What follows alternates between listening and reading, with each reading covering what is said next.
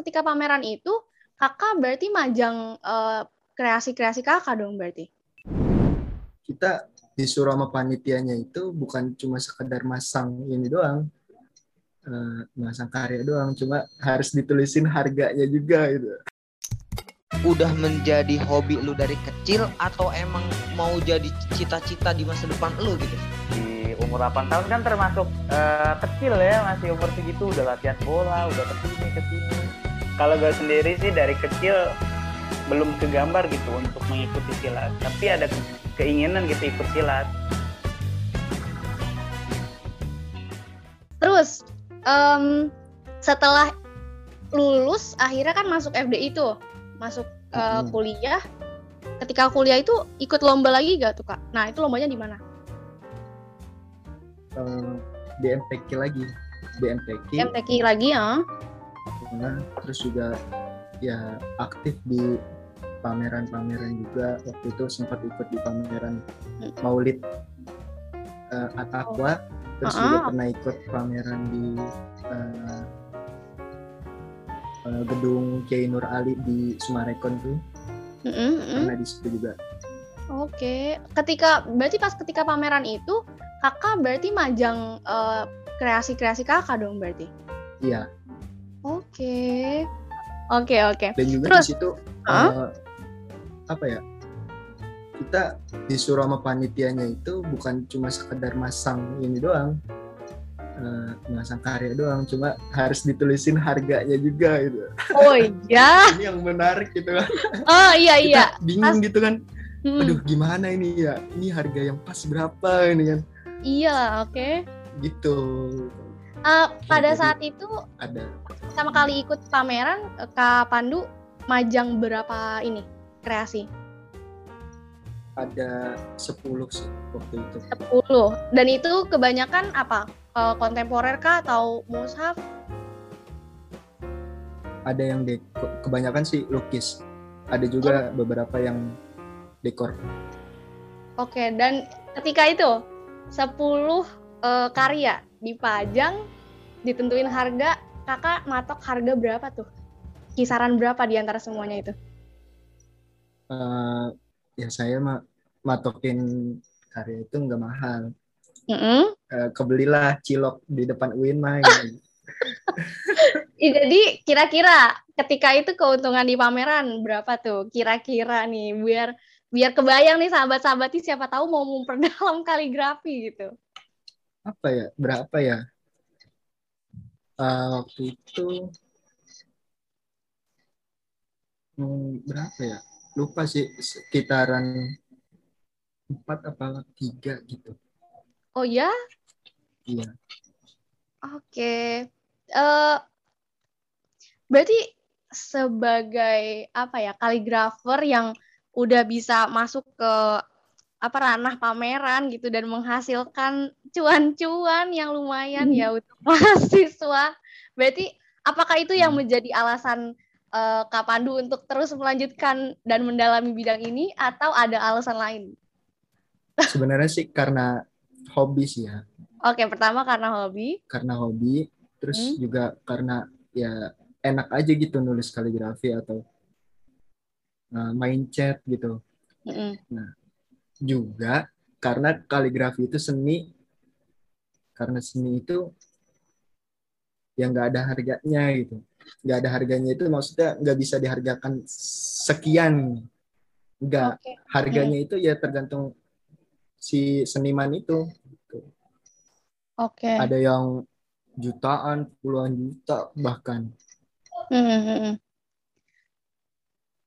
Jadi pada akhirnya uh, mendalami bidang ini karena memang uh, ini ya keinginan dalam hati terus kayak emang ini nih kayaknya passion saya gitu ya berarti ya. Iya. Juga oh. menghasilkan.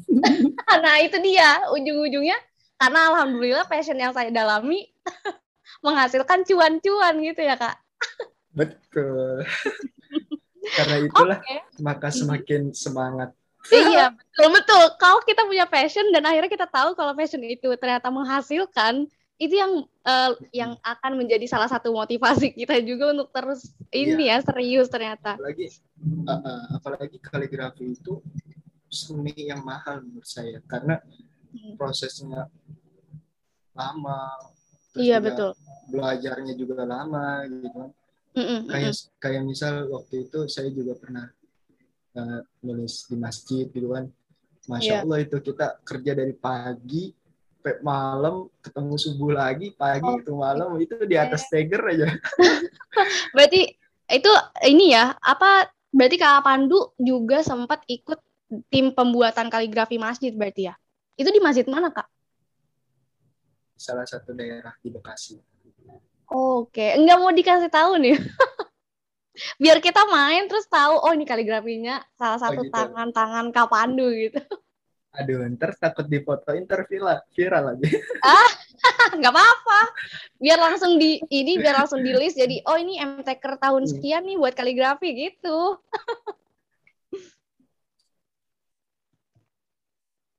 Kita menyalahi ini kode etik jurnalistik sedikit gak apa-apa kali ya. Gak apa-apa nanti abis itu nanti kita tit gitu nanti Ter- di eh, itu editor. ya, terdisensortiin gitu ya. Ya, ah, biar ini Itu biar ada. Nana aja yang tahu Eh, ujung-ujungnya berarti. Hmm. Sorry ya sahabat-sahabat ini biar Nana aja yang tahu nih. Di mana Ya, Kak? itu ada di sekitar eh, Cikarang juga ada, Oke. di Rawalumbu, di Heeh. mana lagi waktu itu? Di daerah bawah Bekasi tuh, Gabus. Terus ada beberapa juga di sekitaran. Oke, Nah, ternyata banyak ya proyeknya ini disebutinnya banyak ternyata. Itu eh, satu satu ikut tim gitu dapat penghasilan berapa tuh Kak keuntungannya? Ini kita bisik-bisik aja nih ya soal cuan-cuan. Nana, karena Nana kan udah lama nggak berkecimpung di kaligrafi. Siapa tahu dengan Hmm. mendengar cuan-cuan ini, astagfirullah. Jadi semangat gitu ya. Ya itu maksudnya gitu. Berapa tuh Kak? Bisik-bisik aja. tergantung sih ya kalau tergantung setiap orang tuh ngasih harga itu beda-beda gitu kan. kalau saya Oke. itu sama tim juga termasuk eh, tim saya itu ada guru saya itu yang di pondok gitu jadi saya Oh, sama iya. guru saya itu udah kayak sohib karif gitu Oke, oke. Eh, jadi kalau kita itu biasanya hitung per meter gitu. per meternya itu kurang lebih antara 400 sampai 500 tergantung permintaan dari konsumen Oke, oke. Nah, Kak Pandu eh, pernah kebayang nggak waktu kecil tuh emang kayaknya bakal jadi kaligrafer nih yang menghasilkan cuan atau eh, nggak pernah terpikirkan sama sekali terus tiba-tiba jadi dan akhirnya pas jadi itu oh saya ternyata jadi kaligrafer ya gitu. Itu gimana tuh, Kak? pas kecil ya eh, pas kecil sih itu mimpi saya itu Mm-mm. jadi astronot malah Oh, jadi astronot. Sumpah. ya kan Tapi gitu Kak Pandu betul ta- jadi apa astronot namanya? jadi pilot gitu Oke, oke. Kebetulan Ya, ngomongin astronot karena gitu kan ya makanya karena ad, Hmm. eh, Ade Nana juga kalau ditanya mau jadi apa dek cita-citanya jadi astronot. oh itu iya betul Jadi sebenarnya tuh nggak nggak nggak menyalahi kak. Emang kayaknya selama kecil Udah tuh emang imajinasi eh, eh, emang imajinasi anak kecil tuh sangat-sangat ya jadinya Iya.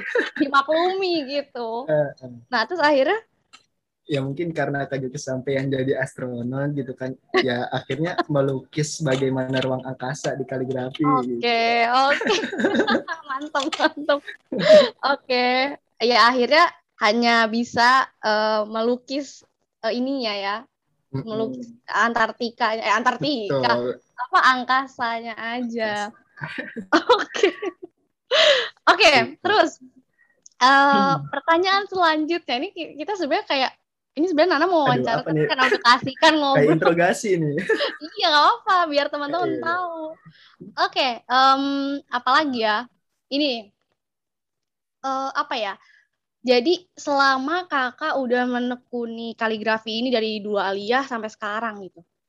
Eh, apalagi pas zaman-zaman kuliah tentunya gitu. Apa yang bisa buat Kak Pandu bisa ngebagi waktu antara kaligrafi sendiri dan juga kuliah gitu. Jadi kakak tetap bisa ikut lomba, ikut pameran dengan menghasilkan banyak karya, tapi kakak juga bisa melanjutkan kuliah dengan baik. Itu gimana? Cara-caranya, trik-triknya? triknya itu balik lagi ke diri kita bagaimana cara memanage waktu dengan benar gitu kan. Oke.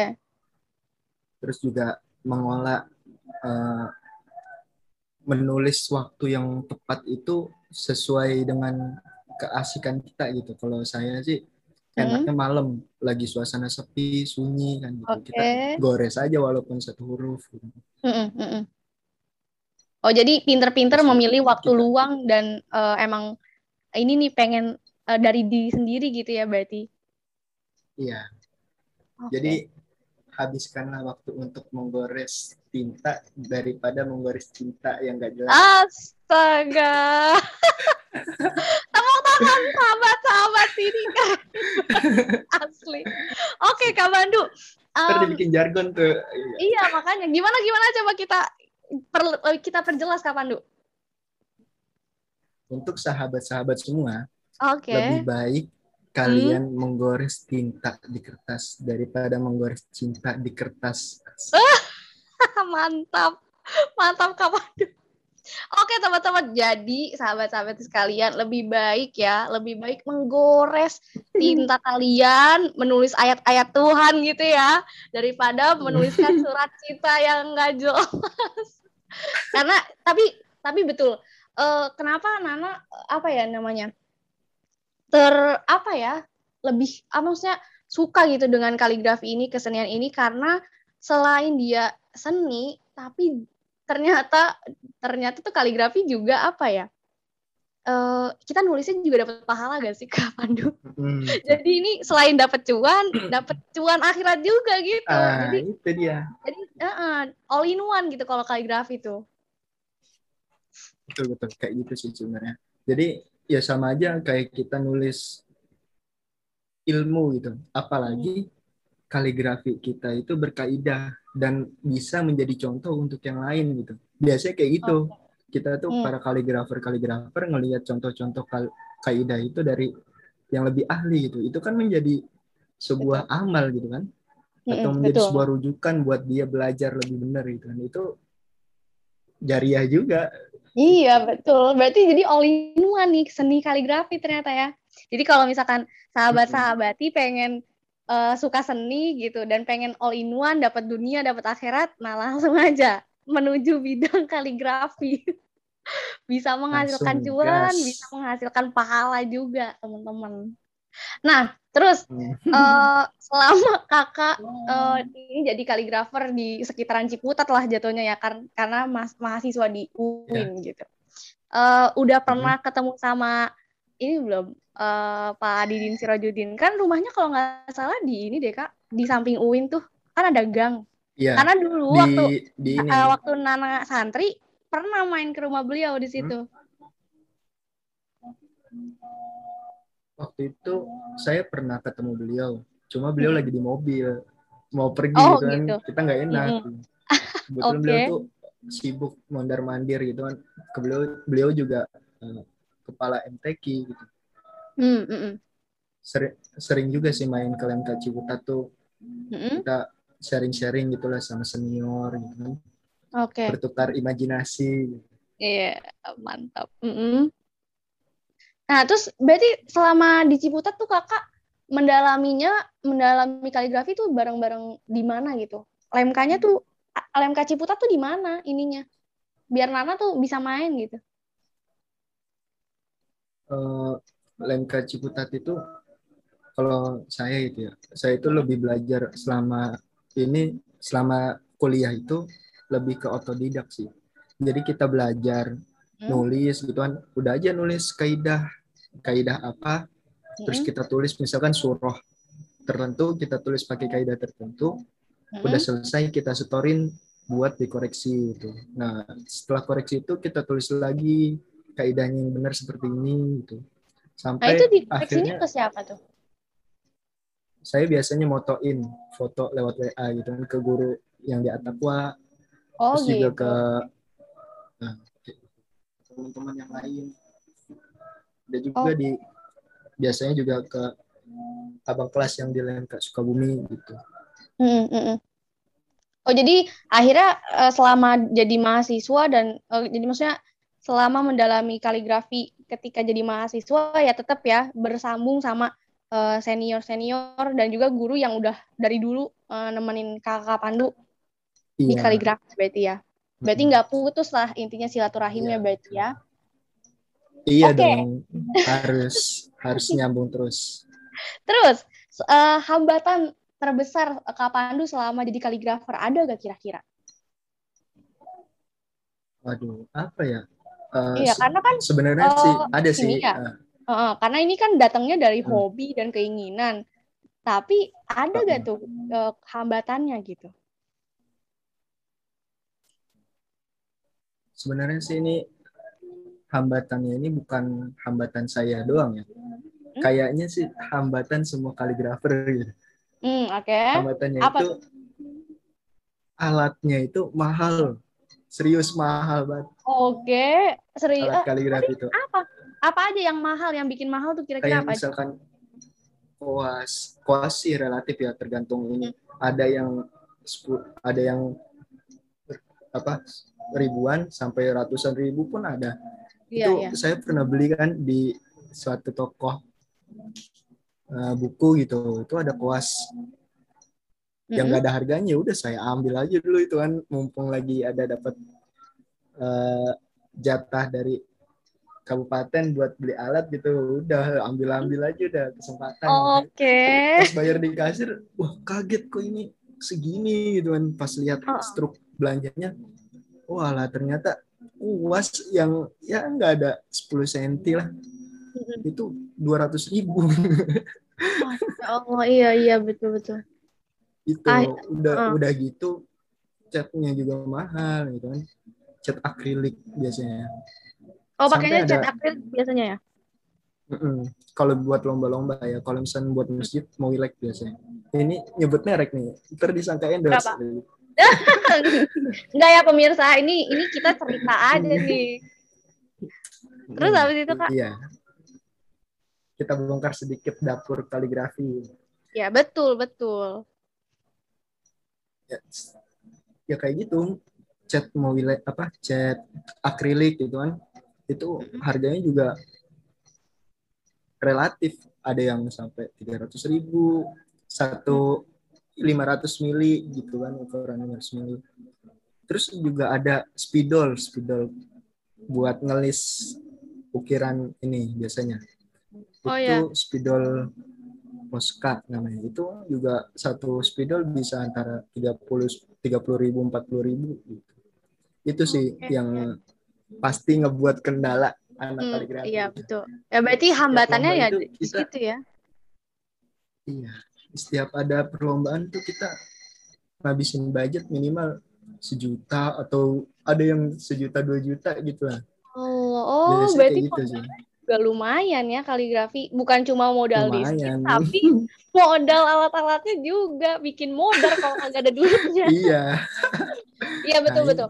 Eh, ini juga eh, ini kita Nana nggak apa-apa nih ya cerita jadi jadi Nana yang ikutan cerita karena dulu eh, Iya, Papa- nggak nggak apa-apa. gimana gimana. Tuh, eh, jadi papa dulu bilang kalau aja dulu papa selama di kuliah gitu eh, anak yang berkecukupan papa udah ikut kaligrafi sampai tingkat dunia kak katanya gitu Hmm, Masya Karena emang iya, kayak gitu. terbatasnya itu ya jadinya papa nggak ik- nggak Hmm. ngelanjutin lemka karena ya udah nggak nggak ada nggak ada uangnya nggak ada modalnya gitu kadang kalau dengar itu jadi Iya. suka sedih gitu ya oh iya betul sih gitu Eh, apa namanya seandainya gitu ya cita-cita papa juga Hmm. eh, pengen bisa jadi kaligrafer apa yang besar gitu seorang kaligrafer besar tapi terhambat dengan biaya. Terus gimana tuh akhirnya kak? Em, apa eh, gimana cara Kak Pandu mengatasi itu gitu? Jangan sampai kan kayak papa Nana nih terhambat Hmm. karena uang nggak ada modal jadinya nggak jadi melanjutkan mimpi. Nah eh, gimana caranya Kak Pandu melanjutkan mimpi dengan eh, adanya hambatan ini? Kalau masalah ini ya, sebagai anak laki-laki gitu kan, kita Hmm. harus mandiri gitu kan. Hmm, iya Biasanya- betul. Eh, selain kaligrafi dari hasil kaligrafi itu saya juga jual ju- jualan furnitur kayak meja-meja itu kita bikin kayak gitu. Oh, Ka- oke. Mm. Jadi dari hasil itu kan lumayan lah gitu kan buat beli nasi warsito ada masih ada kembaliannya gitu. Oke. heeh. Ya bisa lah buat nutup-nutupin gitu.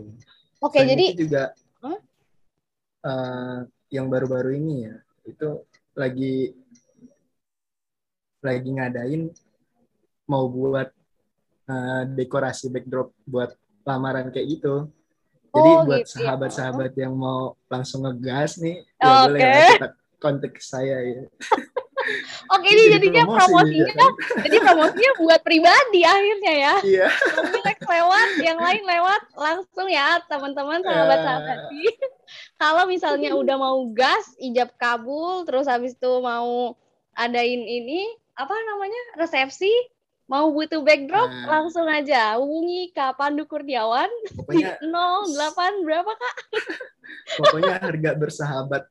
Harga bersahabat ya, sahabat-sahabat sekali. Iya nggak apa-apa, ini jadi ini aja. Jadi tempat promosi nggak apa-apa. Nanti kita izinkan kapan biar ini tetap masuk Nggak. jadi ini ya. selain selain selain itu juga ya biar teman-teman termotivasi itu kan apalagi Iya, dalam keadaan pandemi gini gitu kan yang kagak Hmm, apa ya nggak pentar-pentar gitu apa tuh bahasa bekasinya lah gitu nggak nggak turun-turun gitu ya Iya betul. ya kita harus bergerak lah apalagi kan Oh. ya anak muda gitu loh masih ya rebahan aja Iya betul betul betul. Eh, berarti ini emang emang dasarnya Kak Pandu itu anaknya ini apa eh, produktif gitu, nggak bisa diem dikit gitu kan. Aduh, makanya rezekinya ya dari mulai dua alia itu ikut kaligrafi sampai sekarang jadi kaligrafer. Udah mantap itu, Oh, iya, bro. Oke, Eh, kayaknya terakhir nih. Ah, terakhir, padahal masih banyak kepo-keponya.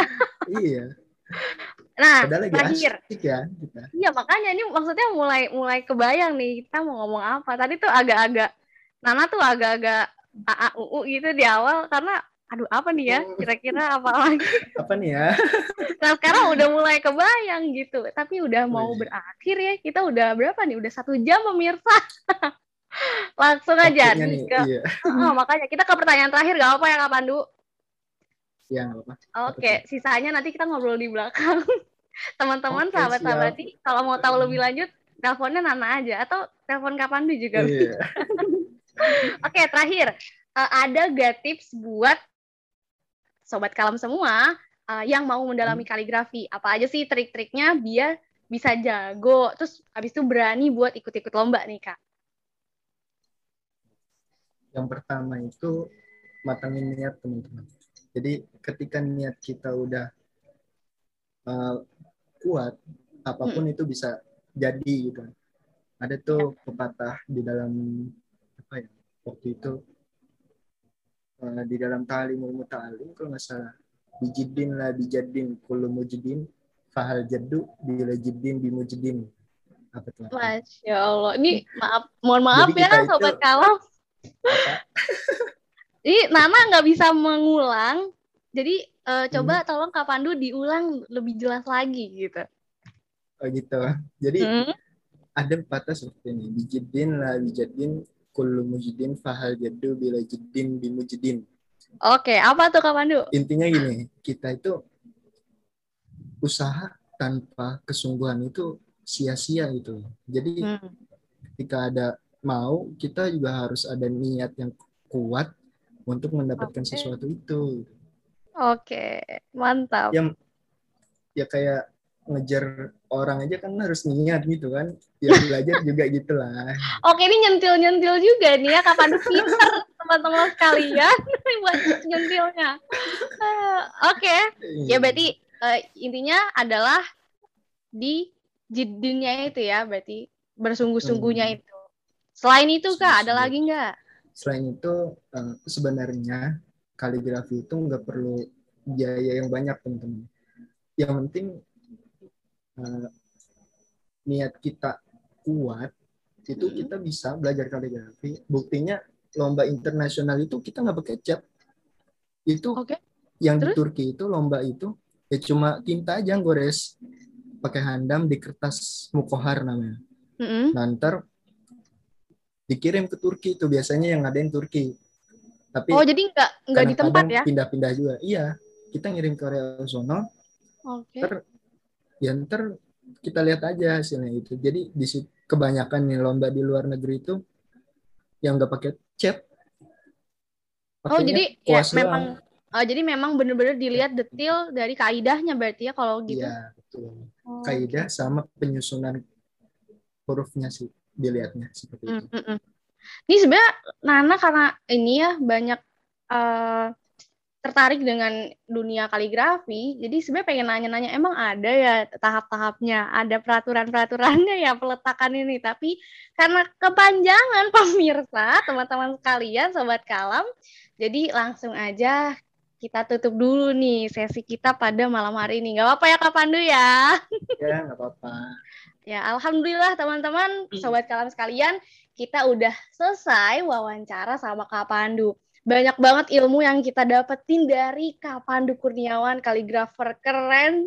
Asal, asal mana Kak Pandu? Asal mm, planet Bekasi. Asal planet Bekasi. Teman-teman Bekasi langsung hubungi. Hubungi kakak kita, Kak Pandu Kurniawan, mahasiswa FDI angkatan 2018. Oke, gak kerasa dari tadi kita ngobrol, eh, sebenarnya masih banyak yang mau diobrolin, tapi nggak apa-apa. Eh, insya Allah nanti kita lanjut di kesempatan eh, lainnya ya, Kak Pandu ya. Ya, siap. Oke, jadi teman-teman, sobat kalam sekalian udah tahu nih ya, Kak Pandu eh, selain cakep nih, ya mantap, banyak juga prestasinya. Jadi teman-teman kalau mau cari jodoh langsung aja nih kayaknya ke Aduh. aja. Jalan. udah cakep, banyak prestasi, bisa kaligrafi, bisa menghasilkan cuan, dan juga Masya bisa Allah. retorika teman-teman. Jadi emang all in one banget nih Kak Pandu Kurniawan kita nih. Tapi ada Oke. kurangnya sih. Apa tuh? Apa tuh? Banyak, banyak sih. Oh banyak. Salah satunya, salah satunya jomblo gitu ya. Itu dia. Oh gitu, Aduh. betul ya berarti. Jadi ini jomblo nih ya. Oke teman-teman, ini pengumuman ya sekali lagi. Langsung ke Aduh. Kurniawan karena ternyata ini ya. jomblo. ini udah dua promosi loh Kak. Dua promosi Waduh. loh ini. Iya promosi karena mau ada tim apa pembuatan backdrop.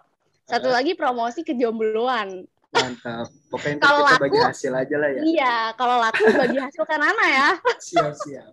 Oke, oke teman-teman, sobat kalian sekalian. Jadi selain kita berprestasi di dalam kelas, di kampus, di bidang akademi, kita juga harus bisa berprestasi produktif di luar kelas. Intinya kita harus pinter-pinter bagi waktu tadi kata Kak Pandu. Pinter-pinter bagi waktu, tenaga, pikiran, kalau mau aktif di luar kelas. Oke, karena mumpung kita masih muda nih teman-teman. Jadi masih muda kan nih, mantap. Jadi mahasiswa terus kayak waktu kita masih banyak, silahkan coba apa pun yang bisa dicoba. Karena kita tahu kan kalau kesempatan tuh nggak bakal datang dua kali. Sekalinya datang, langsung sikat aja teman-teman. Oke, tapi ingat, kewajiban kita tetap harus dilaksanain ya. Belajar dengan benar jadi mahasiswa yang mantap, keren, dan nggak mengecewakan orang tua tentunya. Oke, semangat terus teman-teman, sobat kalam. Mulai dulu aja, better late than never. Thank you for listening to Kalambir Podcast. Uh, thank you Kak Pandu Kurniawan. Iya, Don't forget to share it on your social media. See you on the next episode. Bye-bye.